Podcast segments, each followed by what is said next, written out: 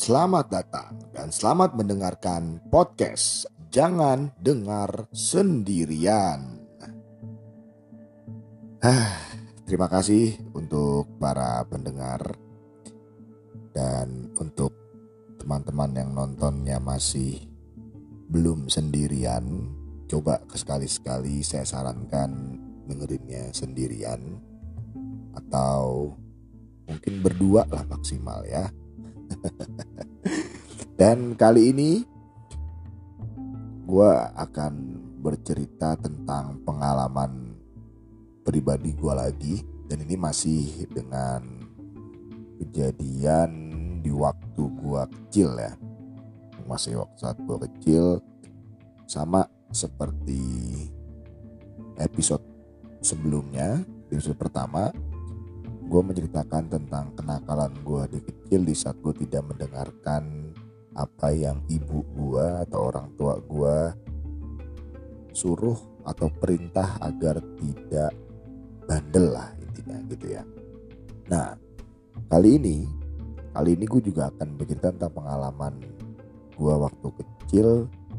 Jadi ini pengalamannya bisa dibilang di umur kurang lebih sama seperti episode uh, pertama di kelas 3 atau 4 SD gue lupa persisnya tapi yang pasti di tanggal ya, sorry maksudnya di umur-umur gue di saat gue kelas 3 atau 4 SD ya.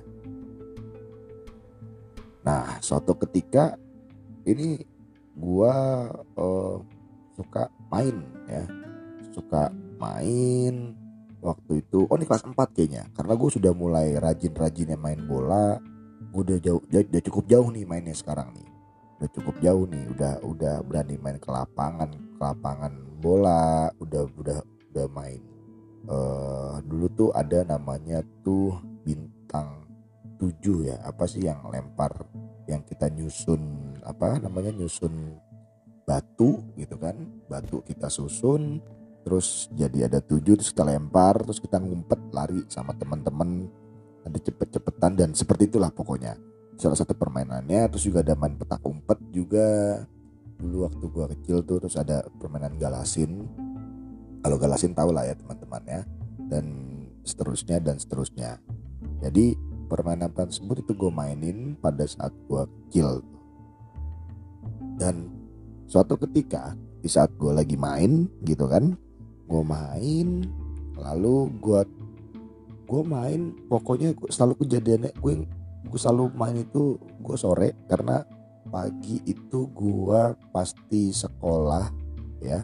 Gue sekolah pulang sekolah gue tidak pernah main gue pasti tidur siang lalu bangun terus siang seperti jam 3 nah situ gue main main bola lah atau gue main yang lain-lain. Nah ini kejadiannya waktu itu gue lagi main petak umpet. Gue lagi main petak umpet sama teman-teman gue gue umpet lah. Daerah rumah gue nih bisa dibilang dari rumah kakek nenek gue nih bisa dibilang cukup padat.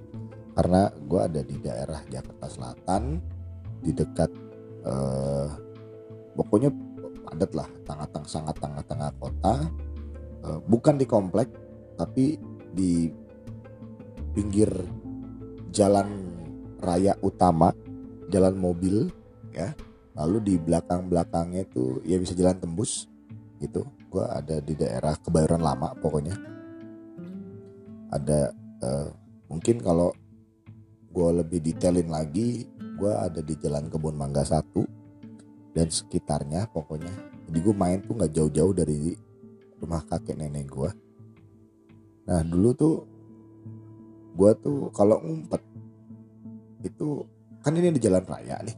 Gue main lapangannya itu di pinggir jalan raya. Tapi kalau kita ngumpet itu pasti kita akan lari nyari jalan yang memang bener-bener apa ya bisa dibilang susah untuk ditemukan.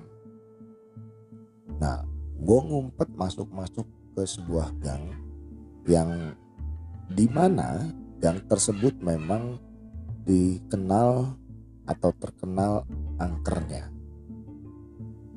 jadi di pojok dari sebuah gang tersebut gang tembus gang sebenarnya jadi ada satu rumah yang memang kosong dari zaman dulu ya tapi gue gue jelasnya gue nggak tahu itu udah berapa tahun lamanya kosong tapi di saat gue SD waktu itu sampai gue SMP kalau nggak salah itu kosong.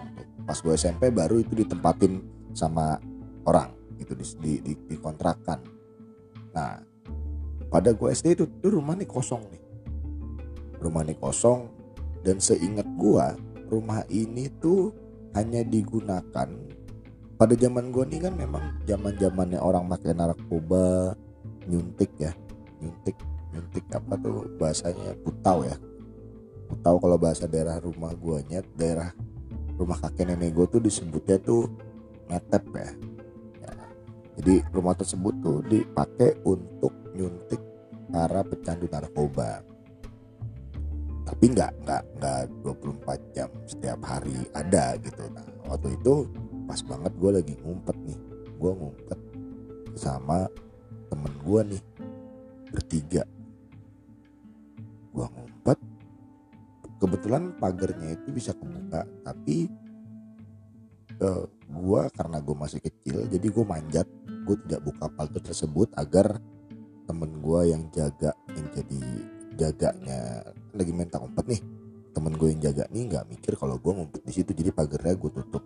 Seperti biasa gue manjat aja terus gue masuk ke dalam rumah tersebut ceritanya gue masuk lah nih bertiga sama temen gue nih yang sama-sama lagi ngumpet di permainan petak umpet tersebut. Gue masuk ke rumah tersebut gelap kan? Karena memang ini di gang rumah masuk gang dan dia benar-benar di pojok gangnya. Jadi cahaya matahari itu bisa dibilang hanya ada di beberapa bagian aja nggak di semua rumah. Nggak semua eh, contohnya misalnya kamarnya itu nggak nggak ada nggak ada matahari yang masuk. Paling cahaya matahari itu masuk hanya di uh, ruang tengah dapur dan halaman depan. Halaman depan tuh kayak teras duduk kecil gitu aja. Masuklah gue ceritanya. Gue gue sambil mengingat dan sambil memvisualkan apa kejadian pada waktu itu ya. Jadi biar teman-teman yang dengar juga paham gimana situasinya. Gue ngumpet lah bersama tiga teman gue tersebut kan akhirnya gue diem. Gue diem. Gak bersuara kita kita dengerin bahwa di luar tuh ada orang yang lewat kita pikirkan teman kita yang jaga gitu. Makanya dari itu kita jangan bersuara jangan bersuara. Kita masuk lebih dalam lagi kita kita kita lari ke dapur gitu kan. Lari ke dapur. Ini kosong ya ini rumah kosong. Dapur nggak ada apa-apa kan hanya ada uh, apa wastafel gitulah. Udah airnya mati dan lain-lainnya mati. Jadi memang sudah tidak berfungsi kabur lah. Kita dengar ada orang kayak lari di depan rumah tersebut kan. Kita pikir ya teman kita kan. Udah kita umpet lah kita di bawah wastafel. Kita masuk bertiga di bawah wastafel. Karena sempit akhirnya gue keluar gue masuk ke kamar sendirian. Gue masuk ke kamar sendirian. Gelap nih kamar. Tutup pintu gue sendirian. Dalam kamar karena gue pikir ya biar gue nggak ketahuan ya kalau teman-teman gue ketahuan ya udah teman gue aja berdua ketahuan. Ini karena gue masih kelas pas 4 kan pas 4 SD lah. 4, 4 SD itu ya gue ya bener-bener gue tidak mau sampai ketahuan gitu. Akhirnya masuk kamar nih gue denger kok di luar kamar ada yang lari gitu kan. Terus ada yang buka pintu kenceng gue pikir wah teman gue ketahuan nih. Wah udahlah. Teman gue nggak apa-apa nih ketahuan berdua tapi gue bertahan untuk gue tidak ketahuan sama temen gue yang jaga. Gue tetap bertahan gue tetap bertahan. Gue inget banget tuh ada mungkin 5 menitan lebih tuh gue bertahan di situ. Gue bertahan gue bertahan. Dan akhirnya gue udah mulai merasa ketakutan gue udah merinding semerinding merindingnya. Gue udah ini kayaknya nggak mungkin nih kalau gue terusan di sini. Gue harus keluar nih. Gue harus keluar. Pas gue mau keluar gue lihat gue perhatiin kok kan ada bayangan ya dari bawah kaki. Dari jadi cahaya yang gue dapat dari kamar tuh hanya dari sela-sela pintu bawah sela-sela engsel pintu gitu kecil. Tapi gue kayak ada orang kayak ada bayangan-bayangan gitu tapi nggak bukan kecil. Karena teman-teman gue kan masih pada kecil kan. Teman-teman gue masih pada kecil dan yang gue lihat tuh bayangannya tinggi. Gede. Dia lewat dia lewat berbayang-bayang di bawah pintu. Gue lihat gue mau keluar jadi takut. Dan akhirnya gue keluar gue lari gue manjat gue kebirit-birit gue nggak teriak gue nggak bisa ngomong gue nggak tahu kenapa pokoknya gue nggak teriak gue nggak apa tapi yang gue lakuin gue lari. Karena gue takut bayangan itu jadi sosok yang nyata gitu. Karena itu masih bayangan gue kira bisa lari tapi gue berasa bener-bener itu kayak ada orang di dalam rumah itu kayak gue nggak sendirian kayak ada orang besar dan bulu kuduk gue tuh bener-bener kayak merinding banget. Dan kayak perasaan tuh deket banget sama gue gue tuh lari aja tuh kayaknya lama jauh. Padahal rumah itu nggak terlalu gede tapi buka pintu terus gue lari. Gue keluar gue manjat pagar gue turun gue jatuh gue inget banget tuh gue manjat saking gue takutnya. Padahal tuh pintu bisa dibuka tapi karena gue masuknya lompat jadi gue keluarnya masih terekam gue harus lompat juga nih dan karena gue ketakutan jadi gue lompat. Akhirnya gue lompat. Gue lari gue samperin temen gue gue tanya temen gue lo dia yang bingung. Dan dia pikir teman-teman gue pikir gue tuh udah kabur dari rumah tersebut. Pas di saat mereka berdua ketangkep jadi mereka tidak tidak tidak tidak memikirkan bahwa gue stay di rumah itu. Yang mereka pikir dan mereka tak uh, sangka bahwa gue sudah pindah tempat ngumpet setelah mereka langsung ketahuan.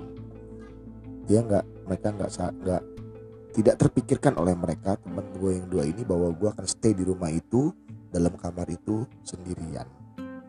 Jadi mereka tidak peduli dan tidak melihat atau tidak mencari gue di rumah itu bahkan mereka pada bingung nyari gue ada di mana padahal gue di rumah itu gue melihat bayangan hitam tinggi dan gue merasakan bener-bener ada orang lain makhluk lain di rumah itu selain gue dalam kamar. Dan gue lari dan gue benar-benar masa dekat dengan makhluk itu. Dan gue bilang cerita sama teman-teman gue gue cerita sama dua temen gue tadi temen gue tadi bilang ya gue pikir lu udah pergi ternyata masih ada di situ. Lu berani banget sendirian di rumah serem kayak gitu. Dan akhirnya gue balik ke rumah. Ya seperti biasa gue langsung pulang. Terus gue langsung mandi. Dan gue langsung bilang sama nyokap gue bahwa gue habis ngalamin kejadian aneh di rumah serem tersebut. Terima kasih. Ini cerita episode kedua gue dan sampai ketemu nanti di cerita serem atau cerita horor dan mistis gua berikut berikutnya karena akan masih banyak cerita atau pengalaman horor dan mistis yang akan gue bagikan ke para pendengar semua. So jangan lupa di follow teman-teman podcast gua M Reza Anugrah dan jangan lupa jangan dengar sendirian. you